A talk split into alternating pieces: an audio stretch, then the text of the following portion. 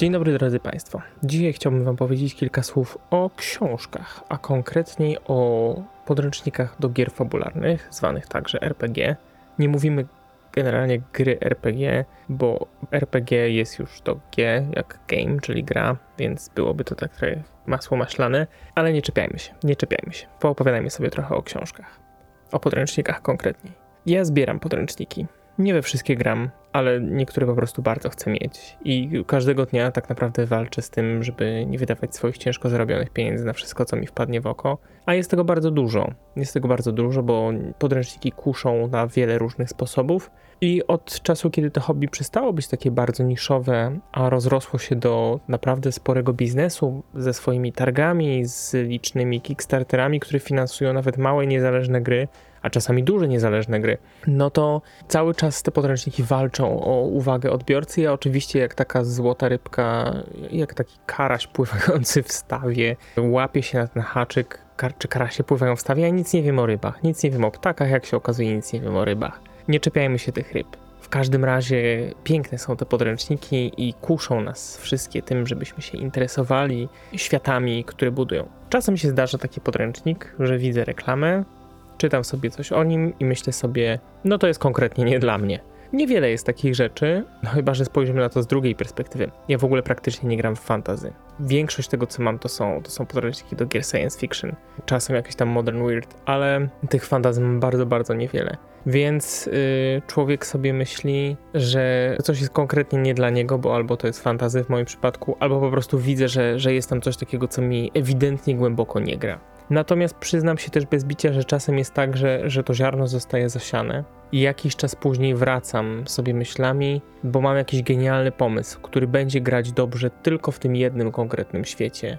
I tak było na przykład Dishonored. Na początku się śmiałem, że w ogóle co za pomysł, żeby wydawać grę fabularną na podstawie serii gier komputerowych, ale bardzo teraz ten, ten Dishonored szanuję. Uważam, że to jest jedna z najlepszych iteracji systemu 2D20 i, i jest to po prostu rzecz wspaniała mega przyjemnie się w to gra. Gry komputerowe też budują ten świat, w którym potem chce się wejść z graczami. Także Dishonored mnie złapał naprawdę po bardzo, bardzo długim czasie, ale ostatecznie złapał. Niektóre podręczniki też tak miały, niektóre podręczniki były takie, że spojrzałem na nie i stwierdziłem, chcę to mieć od razu. Niektóre podręczniki kupiłem dlatego, że były tanie, przyznaję się bez bicia. I po prostu stwierdziłem, że no w sumie kiedyś w to zagram. I potem ostatecznie faktycznie w to graliśmy. Niewiele jest takich rzeczy, w które jeszcze nie graliśmy, z tego co, le- z tego, co leży u mnie na półce. I właściwie to y, powinienem sobie siąść tak, żeby tą półeczkę tutaj widzieć. Ale to za, za sekundę się przesiądę. Najpierw chciałbym wam powiedzieć, po co się właściwie tutaj dziś zebraliśmy. A zebraliśmy się po to, żeby powiedzieć o tych kilku najlepszych podręcznikach, na jakie można wydać pieniądze i o tym jednym, którego kupić nie można. Ale najpierw zacznijmy od takiej myśli, co właściwie sprawia, że podręcznik jest dobry.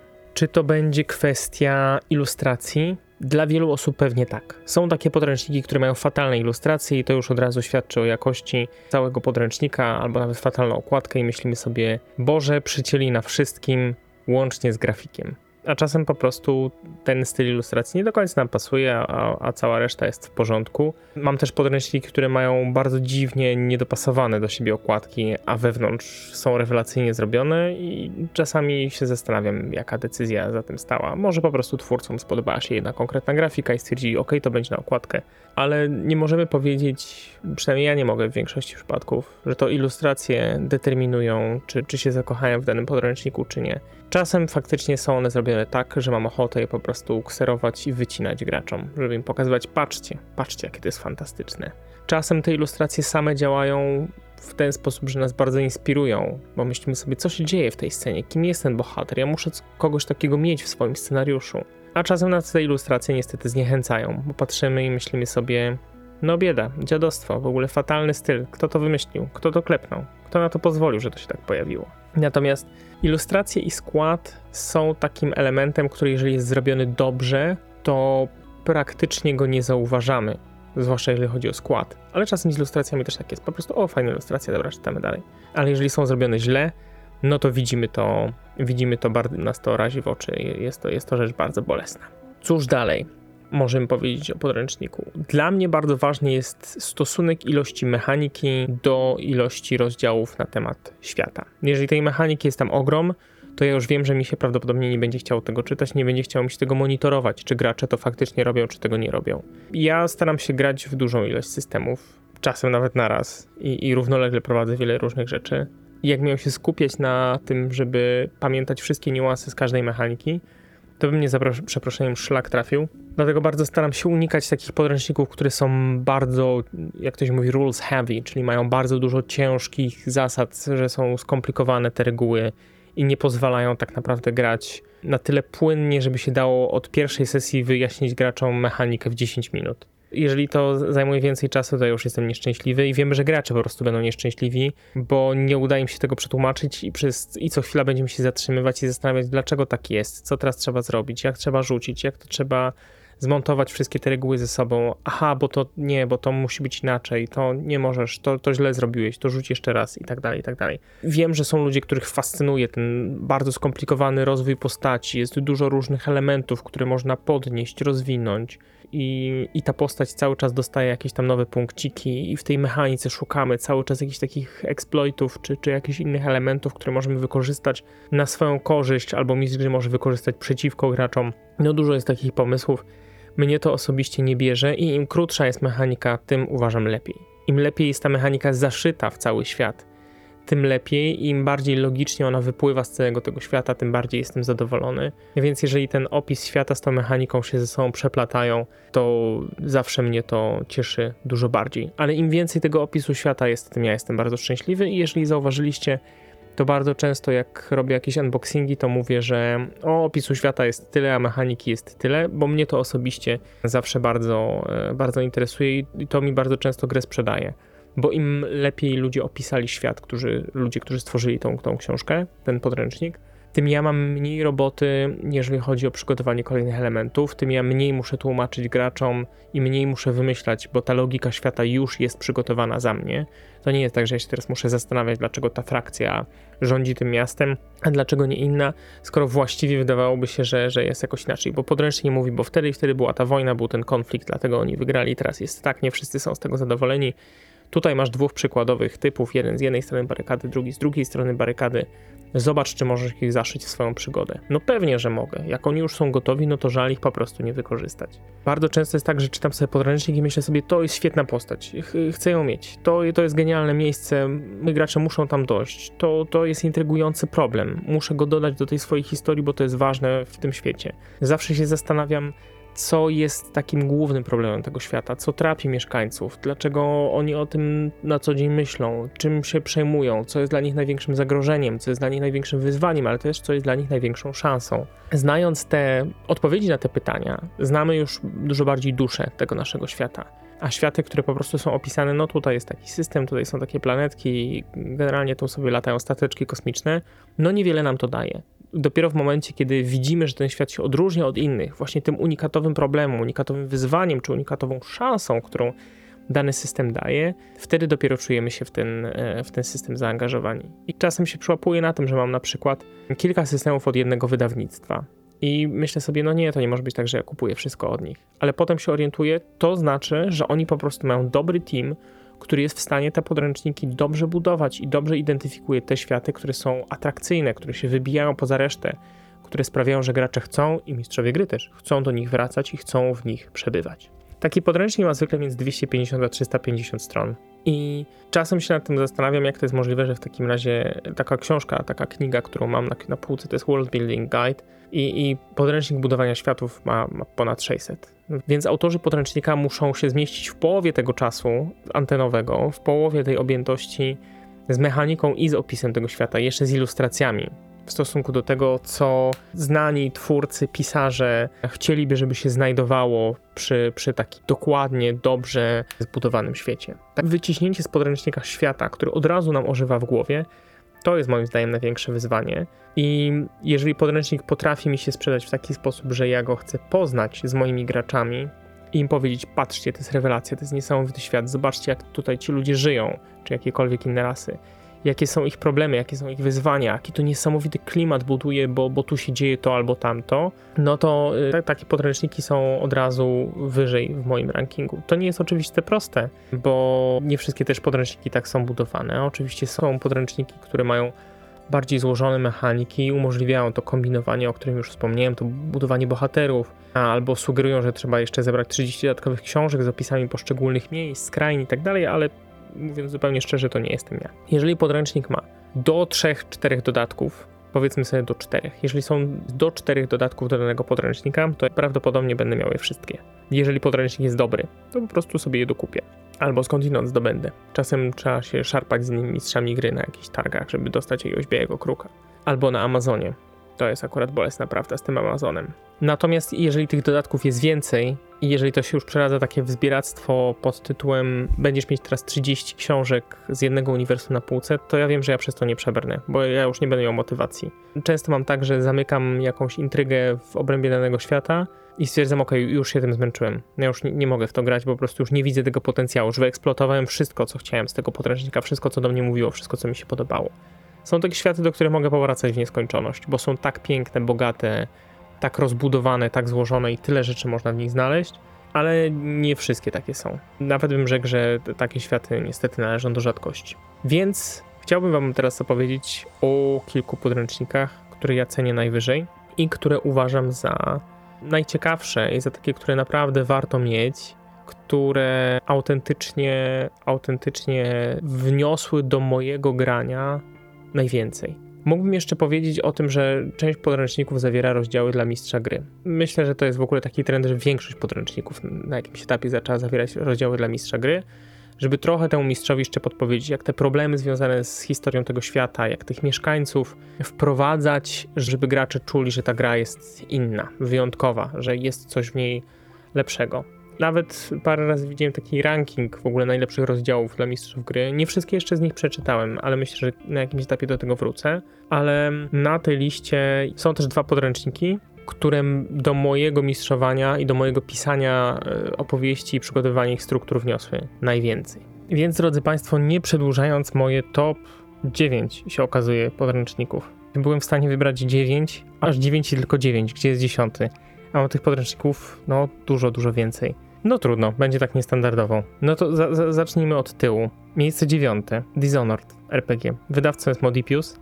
I jest to malutka książeczka. Do niej wyszedł tylko taki mały dodatek z jakąś tam dodatkową przygodą, z żetonami takimi i z takimi podkładkami. To nawet nie są ekrany dla mistrza gry, tylko takie podkładki. Totalnie nie warte nabywania tego, muszę przyznać. Y, główny podręcznik jakby robi wszystko to, co ma robić. Ca całą resztą się nie przejmujcie. Chyba najlepsza iteracja mechaniki 2D20 od Modipiusa. Nie pamiętam, żeby rozdział dla mistrza gry był jakoś bardzo oszałamiający, ale świat jest przefantastyczny. Świat jest po prostu przerewelacyjny i jeżeli graliście w gry komputerowe serii Dishonored od, od Arkane, to znajdziecie tutaj w tym podręczniku wszystko, czego potrzebujecie, żeby sobie zagrać. Jeżeli chcecie zagrać w coś steampunkowego z odrobiną magii, fetyszy, takich zabobonów, rzeźbienia, amuletów w kościach wielorybów, to Dishonored ma dla was wszystko, czego pragniecie. Jeżeli chcecie sobie pograć w wiktoriańskiej Anglii, ale z, z odrobiną niesamowitej technologii i właśnie tym przenikaniem się świata duchów, jeżeli chcecie polować na wiedźmy, jeżeli chcecie wybrać się na mroźne Wyspy Północy albo na Serkonos na południu i pobyć trochę w takim świecie zbliżonym do, XVIII-XIX wiecznej Hiszpanii, czy Włoch, czy Grecji, no to, to zdecydowanie Dishonored. Mnóstwo rzeczy można w świecie Dishonored robić, jest on bardzo bogaty, bardzo fajnie są nakreślone wszystkie warstwy społeczeństwa, bardzo inspirująca rzecz, i wszystko jest właściwie przygotowane do tego, żeby siadać i grać. Można grać zarówno szlachtą, jak i robotnikami walczącymi o swoje prawa w fabrykach przetwórstwa oleju z wielorybów. Można polować na czarownicę, albo można być czarownicą i poszukiwać kontaktu z odmieńcem. Można w mnóstwo aktywności się zaangażować i dlatego Dishonored bardzo, bardzo lubię i świetnie mi się w to gra. Na miejscu ósmym i siódmym, właściwie egzekwo, Alien i Blade Runner. Traktuję je razem, bo w teorii uniwersum Aliena i uniwersum Blade Runnera to jest to samo. Dwa systemy na licencji filmowej, oba wydane na mechanice Year Zero Engine przez e, Free League i oba są dość e, zbliżone, jeżeli chodzi o swój klimat, który jest gęsty, ciężki. Tylko, że w Alienie to na nas polują obcy i staramy się przetrwać w niegościnnej pustce kosmosu i zwiedzamy kolejne kolonie i toczymy walkę z gwiezdnymi komunistami i próbujemy budować swoje osady, próbujemy drążyć po drogocenne minerały w zapomnianych księżycach, które planety wyrzuciły daleko w pasy asteroid i podróżujemy w kryośnie w absurdalnie długich podróżach. A w Blade Runnerze to my polujemy. My polujemy, my szukamy, prowadzimy śledztwa, poszukujemy androidów, które próbują się przed nami ukryć i staramy się sobie wmówić, że tak naprawdę to nie są ludzie, że oni nic nie czują, bo nie mają duszy, więc spokojnie możemy ich odłączać ku chwale naszego posterunku albo korporacji, bo tak naprawdę robimy to tylko dlatego, że nam za to płacą. W końcu jesteśmy Blade Runnerami. Oba te systemy oparte o filmy z końca lat 70. Y, i 80. mają ten swój retrofuturystyczny klimat i naprawdę, naprawdę ogromnie mnie cieszą. Do Aliena wyszło dużo takich scenariuszy, które są po prostu samodzielnymi takimi pudłami, w których e, można znaleźć podstawy mechaniki, która oczywiście jest też w podręczniku głównym. Natomiast sam podręcznik zawiera bardzo dużo informacji, także na temat samych obcych, na temat architektów, i jeżeli nie jesteście miłośnikami Prometeusza i Covenant, to raczej wam ta historia świata nie przypadnie do gustu. Zawsze możecie ją wyciąć i po prostu pamiętać tylko o starych, pierwszych alienach. Natomiast Blade Runner korzysta z obu filmów i zresztą dzieje się pomiędzy nimi i naprawdę, naprawdę ten swój wspaniały klimat gęsty dowozi na trochę uproszczonej mechanice, może nie uproszczonej, ale trochę inaczej zbudowanej bardzo się, fajnie się w to gra i, i naprawdę ogromnie, ogromnie oba te systemy polecam. Na miejscu szóstym, nie wiem czy to jest jeden podręcznik, czy mogę to opisać jako jeden podręcznik. To i będzie, proszę Państwa, Legenda Pięciu Kręgów. I mówię tutaj o pierwszej polskiej edycji, tej stareńkiej z 2001 roku chyba. Taka charakterystyczna zielona okładka z fulengiem jednym z antybohaterów tego świata. Wybitna rzecz, naprawdę. Jeżeli lubicie samurajskie klimaty, to to jest dla was. Jedna z najlicznych pozycji fantazy w ogóle w moim arsenale mistrzowym, bo no jednak jest to świat, który z jednej strony jest inspirowany kulturą Japonii, a z drugiej strony geograficznie jest bardzo mocno oparty o starożytne Chiny. I Rokugan, bo tak nazywa się to, to miejsce, przez wiele lat przechodził bardzo wiele iteracji przez kolejne podręczniki. Mam pierwszą, trzecią i piątą edycję, w ogóle śmieszniej, czyli co drugą. Tylko pierwsza chyba wyszła po polsku. Wiele się w Rokuganie zmieniło, ale nie zmieniło się to, że honor jest najważniejszy i nie zmieniło się to, jak pięknie jest opisany ten świat i jak bardzo głęboko ta mechanika jest zaszyta w to, w jaki sposób gramy. Pierwsza e, legenda miała trochę mechanikę dla księgowych, wymagała szybkiego liczenia w obrębie od 1 do 70 mniej więcej ale dało się w to grać. Naprawdę przyjemna rzecz. Ta ostatnia, piąta edycja jest oparta już w ogóle o customowe kości, bo wydają Fantasy Flight, w związku z tym oni muszą mieć, e, muszą dosprzedać to wszystko, co tylko możliwe. Jest pierdylion podręczników i tej ostatniej wersji właściwie nie, po, nie polecam, bo to jest chyba najgorzej złożony podręcznik, jaki miałem. Ale pierwsza polska edycja fantastyczna rzecz. Jeżeli jesteście w ogóle zainteresowani tym klimatem grania samurajami, którzy czasem walczą też z demonami, nie tylko swojego honoru, ale także z takimi prawdziwymi demonami, które wychodzą z lasu, i jesteście zainteresowani całym tym, całym tym folklorem japońskiej kultury, wszystkimi tymi demonami leśnymi, kami drzew e, i potoków i ciekawią was e, takie relacje społeczne, gdzie czasem doskonale wiecie, kto jest zabójcą, ale nie możecie tego powiedzieć bez straty honoru, to też jest bardzo skomplikowane, żeby czasem udowodnić komuś, nie obrażając go, a to przecież skutkowałoby naszym sepuku, udowodnić komuś e, prawdę, którą już o nim się dowiedzieliśmy. Także bardzo złożona rzecz bardzo fajny świat, pięknie opisany, w wielu miejscach rewelacyjne ilustracje i to jest taka Japonia brutalna, okrutna, z mnóstwem krwi, bez żadnego, e, bez żadnej mangi, bez żadnego anime.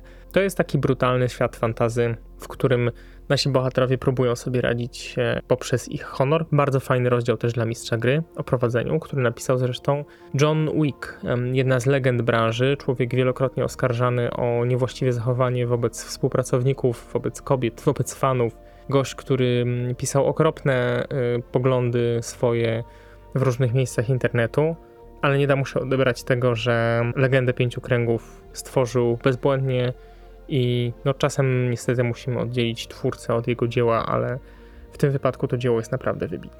Miejsca piąte i czwarte. Tutaj też egzekwo, chociaż może nie do końca. Wydaje mi się, że jednak Black Void będzie trochę niżej, a Gasnące Słońca pierwszej edycji będą trochę wyżej. Black Void to jest rzecz duńska, wydawana przez Modipiusa, jeżeli chodzi o dystrybucję, ale wydają ją, e, wydaje ją konkretnie rzecz mówiąc jeden Duńczyk, który jest niesamowicie płodny. Black Void to też jest w gruncie rzeczy fantazy, ale takie bardzo unikalne i nietypowe. Rzecz, która się dzieje w bliżej nieokreślonej pustce, w takim mieście, które jest pomiędzy wymiarami, które zwie się Lyn i tam trochę jak w Sigil ze świata Tormenta spotykają się rozmaite frakcje, żeby ze sobą handlować, żeby ze sobą też walczyć, żeby mm, prowadzić rozmaite interesy. Do tego podręcznika jest sporo dodatków, które opisują wojny pomiędzy kolejnymi frakcjami i te dodatki też są świetnie zrobione. Opisują też e, same miasto i to, co się tam dzieje w rozmaitych miejscach tego miasta, w wąskich zaułkach na, na ciasnych bazarach, zapchanych towarami między, z innych wymiarów. Ale sam podręcznik robi tą niesamowitą robotę, że wprowadza nas w świat tego międzywymiarowego miasta i zostawia nam mnóstwo, mnóstwo takich okruszków. Zobacz, ci się interesują tym, ci tamtym. Tutaj zaginęła księżniczka. Co się z tymi wszystkimi ludźmi stało? Człowiek chce sobie i, i na pewnym etapie zaczyna sobie odpowiadać na te pytania, tworząc kolejne fabuły. Dla mnie Black Void jest jednym z odkryć w ogóle 2022 roku. Ja się straszliwie w tym systemie zakochałem, ale ponieważ jest to temat strasznie niszowy, to bardzo ciężko jest w gruncie rzeczy zebrać graczy na takie granie, żeby wyszli w ogóle zupełnie spoza, poza, poza swoje takie standardowe tory myślenia i nagle zagłębili się w sumeryjskie fantazy o podróży przez e, wymiary wszechświata, na łodziach, z których nie można wyjść, bo każda ekspozycja na pustkę oznacza pogrążanie się w odmętach szaleństwa i odmieniające się przez to szaleństwo również fizyczne mutacje. Bardzo tą rzecz polecam. Jeżeli jesteście w stanie namówić swoją ekipę do tego, żeby zagrała w coś kompletnie poza jakimkolwiek schematem, to Black Void to jest właśnie to.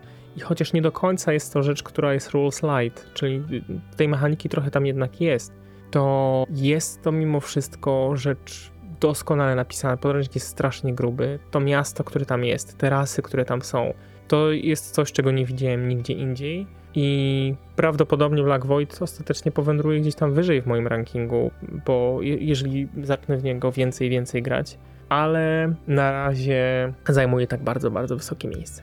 Gasnące słońca to jest rzecz, którą oceniam tutaj, proszę Państwa, na czwartym miejscu. Dlaczego tak daleko? Ale tak sobie rozpisałem i w sumie trochę w tym jest, jak tak patrzę na tą rozpiskę. Gasnące Słońca, też z 2000, 2000 roku chyba, rzecz wydana w 98 roku w Niemczech, Fading Suns. Teraz wyszła trzecia edycja i też ją mam. Jest ona strasznym skokiem na kasę, bo zamiast jednego podręcznika mamy trzy. Ale to oznacza też, że ten świat jest bardzo rozbudowany. Średniowiecze w kosmosie, tak to można w gruncie rzeczy nazwać. Mianowicie po upadku międzygalaktycznego ludzkiego imperium ludzkość się podzieliła na frakcje, narody szlacheckie, frakcje kościoła z siedzibą na Świętej Terze, takiego bardzo synkretycznego kościoła, gdzie wszyscy podążają za naukiem jednego proroka głoszącego jednego Boga, ale jednak bardzo brutalnie głoszonymi naukami. I to wszystko próbuje spiąć cesarstwo, napędzające również machinę handlu i wszystkie gildie kupieckie. I okazuje się, że w tym settingu można właściwie zawrzeć wszystko. Potrzebujesz smoków? Pewnie, na tej planecie są smoki. Chcesz długich międzygwiezdnych podróży albo walki statków kosmicznych? Śmiało, tutaj to wszystko znajdziesz. Jest to genialny system, w który chyba grałem na więcej w życiu. Już od dawna nie, ale tak naprawdę całą moją młodość to grałem albo w Gastonce Słońca, albo w Vampira, którego tutaj na liście nie ma którego ostatni raz grałem dekadę temu i którego prawdopodobnie nigdy już więcej nie poprowadzę, bo mi się tak straszliwie przeżarł i po prostu tak bardzo nie widzę w tym potencjału. Ale Gasnące Słońca rzecz wspaniała. Świetny rozdział dla mistrzów gry, który tak naprawdę mnie nauczył podstaw tego, jak, jak być samemu mistrzem gry, jak przygotowywać przygody, jak pisać dłuższe też narracje. No i ten świat bardzo bogaty, bardzo dobrze złożony. Ilustracje są bardzo marne zarówno z tego oryginalnego podręcznika, jak i teraz z tej trzeciej edycji, nie pamiętam kiedy wyszła druga, ale, ale jakoś ją przeoczyłem, Naprawdę dało się to zrobić dużo lepiej, ale to nie jest ważne, bo ten świat bardzo dobrze żyje w mojej głowie i ta wielowarstwowa struktura, która jest opisywana raz za razem i, i w, w której tryby ostatecznie nasi gracze wpadają, jest trochę podobna do tego, co mamy w Legendach Pięciu Kręgów. To znaczy, to społeczeństwo jest tak bardzo zróżnicowane i tak bardzo wielowarstwowe, że chcemy opowiadać historię tylko po to, żeby sobie zwiedzić kolejne warstwy tych, tych społeczeństw. Na miejscu trzecim Star Trek Adventures. Star Treka przestałem śledzić na pewnym etapie, w sensie widziałem całego Star Treka. Wszystko, co wyszło w uniwersum Star Treka, wszystkie seriale, wszystkie filmy, wszystko kurde prawie widziałem. Prawie, bo już tam zostało parę rzeczy, ale to jest dosłownie w jeden weekend do nadrobienia w tej chwili. Uwielbiam Star Treka. Jestem treki pełną gębą. Naprawdę Star Trek płynie w moich żyłach i wszystko, co wiem o wszechświecie, wiem ze Star Treka czyli niewiele. Star Trek jest wybitny, Star Trek to życie, Star Trek to miłość, a podręcznik Star Trek Adventures jest beznadziejnym podręcznikiem, jeżeli nie znacie Star Treka. Ale jeżeli znacie Star Treka, to jest to najwspanialsza rzecz ever. Mechanika tutaj 2D20 jest doskonale dopasowana do Star Trekowego uniwersum. System, w którym wybieramy gracza, o którym był nasz odcinek, czyli nasza sesja na zakończenie, też jest bardzo fajny, bo w bardzo fajny sposób pozwala rozwijać tych bohaterów, ale też inspiruje graczy do grania, a mistrzów gry do tego, żeby pisać bardzo zróżnicowane przygody. Nie ulega żadnej wątpliwości, że to, to, to jest to, co, co, co naprawdę bardzo lubię i co, co uwielbiam. I nie ma wątpliwości do tego, że ten podręcznik jest rzeczą rewelacyjną dla fanów Star Treka. Jeżeli nie jesteście fanami Star Treka, w ogóle się do niego nie zbliżajcie, bo nic z niego nie zrozumiecie. On, on bardzo słabo wprowadza ten świat. To jest takie złożenie i takie greatest hits wszystkiego, co w Star Treku powstało. On jest pełen cytatów, nawiązań, jakichś tam raportów yy, i zrozumiecie tylko, jeżeli widzieliście całego Star Treka. Tylko jeżeli widzieliście te tysiąc odcinków wszystkich seriali, czy tam 900 jest chyba niecałe w tej chwili. Jeżeli wciągnęliście to wszystko nosem i pamiętacie każdy z tych odcinków i doskonale wiecie, kiedy jaka bitwa się wydarzyła i dlaczego kapitan Sisko jest najlepszym ze wszystkich kapitanów, to, to tylko wtedy Star Trek Adventures jest dla was. I on jest dla mnie konkret, dlatego jest na trzecim miejscu. Uwielbiam w Star Treka grać i na pewno będę do niego wielokrotnie wracał. No to teraz dwa pierwsze miejsca. Na miejscu drugim Over the Edge. Over the Edge dlatego, że ten podręcznik jest napisany tak, że jak go czytałem, to się śmiałem przez całą drogę, myśląc sobie, Boże, jakie to jest genialne. Tam nie ma żadnego zdania, żadnego słowa, które nie wprowadzałoby nas głębiej w ten szalony świat. Tam nie ma żadnej ilustracji, która nie byłaby tak paskudnie cudowna, żeby nas wciągać w, w to, co się dzieje na wyspie Ala Amarha.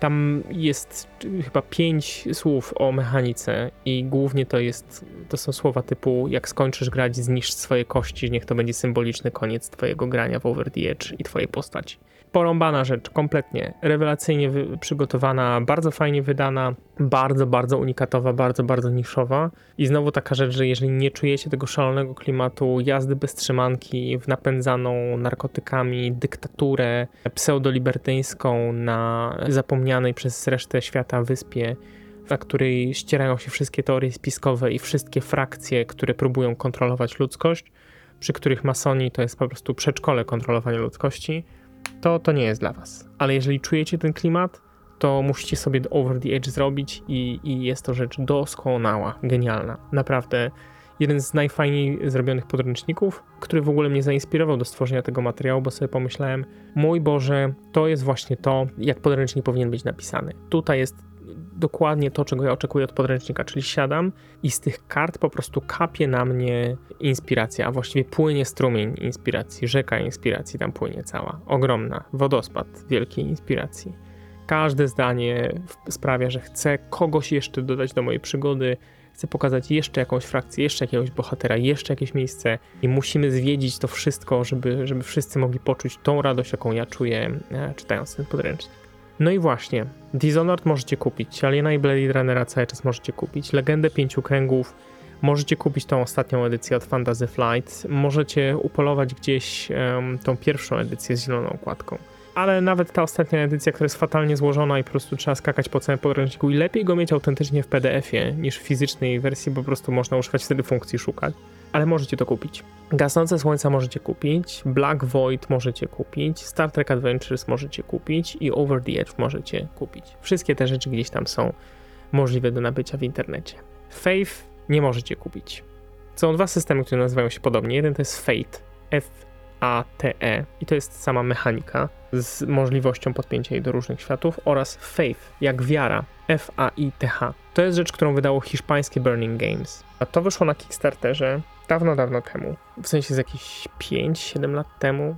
I to jest space opera, w której ludzkość przegrała. Ludzkość zadusiła na swojej planecie niemalże żyje w takim postapokaliptycznym świecie i od czasu do czasu ktoś się tam pojawia z pozostałych frakcji, żeby zabrać grupy ludzi i wykorzystać ich po prostu jako doskonałych najemników, bo żyją długo, są zwinni, zręczni, sprytni. Nie pozwala się ludziom na rozmnażanie się, więc się ich sterylizuje przed zabraniem ich w kosmos, a tam w kosmosie dzieją się cuda. Tam mamy ogromne frakcje, Mamy gigantyczne cyberpunkowe pseudo-utopie budowane przez rasę Korwą, które są takim spełnieniem wszystkich korporacyjnych snów. To jest e, na, nacja, właściwie rasa, która nie ma rządów, tylko korporacje, więc jest to hiperdrapieżny kapitalizm. Mamy tam Iskal, którzy żyją w takiej społecznej utopii, bo wszyscy porozumiewają się ze sobą nawzajem telepatycznie i żyją w takich wielkich miastach, w których jest właściwie cicho, no bo przecież porozumiewają się telepatycznie. I, i, dbają o tą swoją społeczną utopię, walcząc z tymi korwą nierzadko. No i wreszcie są jeszcze Rag, Ragowie to są kosmiczni wikingowie, fanatycznie oddani przemocy, którzy czczą e, rozbite statki kosmiczne pradawnych ras. E, trochę takie kulty cargo. I oni wszyscy spotykają w tym tyglu labiryntu, czyli takiej struktury węzłów podprzestrzennych, w których można się zgubić, żeby, żeby stamtąd wywabić ostateczne i pradawne zło, czyli rasę, którą nazwalibyśmy pustoszycielami. I jeżeli graliście w e, Free Space'a, jedyneczkę albo dwójeczkę, takie bardzo stare symulatory kosmiczne, genialne swoją drogą, to się zakochacie.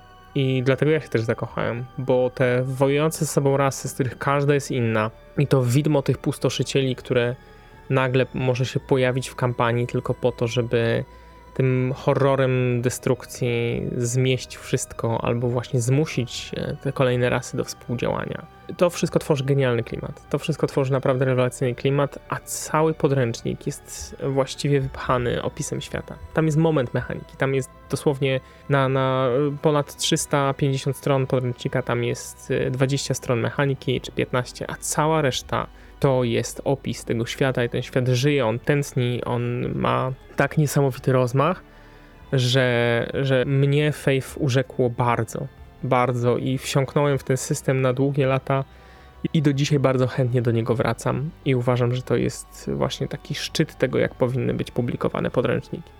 Faith jest oparty o bardzo dziwną mechanikę, gdzie zamiast kości są karty. Te zestawy kart też e, są bardzo osadzone w klimacie i granie z tymi kartami też jest bardzo przyjemne. Nie wszyscy podzielają to zdanie. Znam ludzi, którzy mówią, o pociągnąłem beznadziejną rękę rano, bo postacie jak odpoczywają, to resetują rękę. I teraz już wiem, że będę miał zły dzień i przez najbliższe dwie godziny przy stole nic nie zrobię. Ale tak naprawdę zarządzanie też tą ręką, zarządzanie tymi kartami to jest taka mała mechanika, która nie wybija wyjątkowo z rytmu gry, tylko właśnie wpływa na to, że, że gracze sami chcą odpoczywać, chcą jeść, chcą się gdzieś tam zakręcić, żeby sobie część tych kart przeresetować, bo wiedzą, że przy posiłku czy przy odpoczynku to się, to się wydarzy. Czasami podejmujemy ryzyko i gramy karty z wierzchu deka, a nie z, nie z ręki. Mnóstwo, mnóstwo niesamowitych opcji. Ja ten system uwielbiam i naprawdę dałbym się za niego pokroić. I jak mógł prowadzić tylko jednego RPG po kres moich dni, to na pewno byłoby to Faith.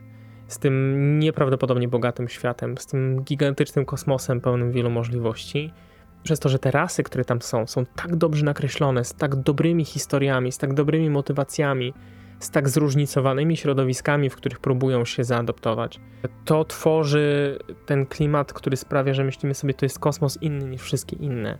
To nie jest y, kosmos zdominowany przez ludzi, to nie jest taki kosmos, jak znamy ze wszystkich filmów science fiction, że po prostu o, ludzie gdzieś tam sobie latają i może są tam jacyś kosmici. Nie, nie, to jest zupełnie inna rzecz My jesteśmy tam jako ludzie tylko gośćmi, a te rasy, które tam są, są naprawdę niesamowicie inspirujące, ciekawe.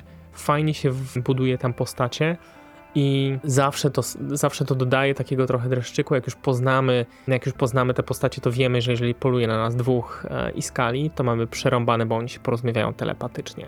Jeżeli jest naszym kontrahentem jest jakiś rak, to, wiemy, że on będzie brutalem, a prawdopodobnie też fanatykiem, więc, więc będziemy z nimi mieli problem. Aha, bo ja jeszcze nie dodałem najważniejszej rzeczy, dlaczego Faith się nazywa Faith, bo w świecie Faith są też bogowie, którzy autentycznie wpływają na wszechświat dając niesamowite dary swoim prorokom i swoim wyznawcom, więc jest to coś w rodzaju sci-fi religijnej magii, które to bóstwa mają różne zasady i różne przykazania, nazwijmy to w ten sposób, i nasze postacie podążając za nimi bardzo często spotykają się z przedstawicielami innych bóstw, których jednak istnienia nie da się zaprzeczyć. To, to jest wojna o, o zwycięstwo, a nie o wojna na dowody to jest y, też bardzo często ścieranie się różnych pomysłów na życie i takich charakterów troszeczkę. I, I to też dodaje takiego fajnego smaku, bo, bo, często w ramach tego, tego takiego ciężkiego science fiction z laserami, kombinezonami i, i statkami kosmicznymi czasem można zobaczyć kogoś, kto potrafi się teleportować, rozpłynąć w powietrzu albo, albo uczynić różne, różne niesamowite cuda.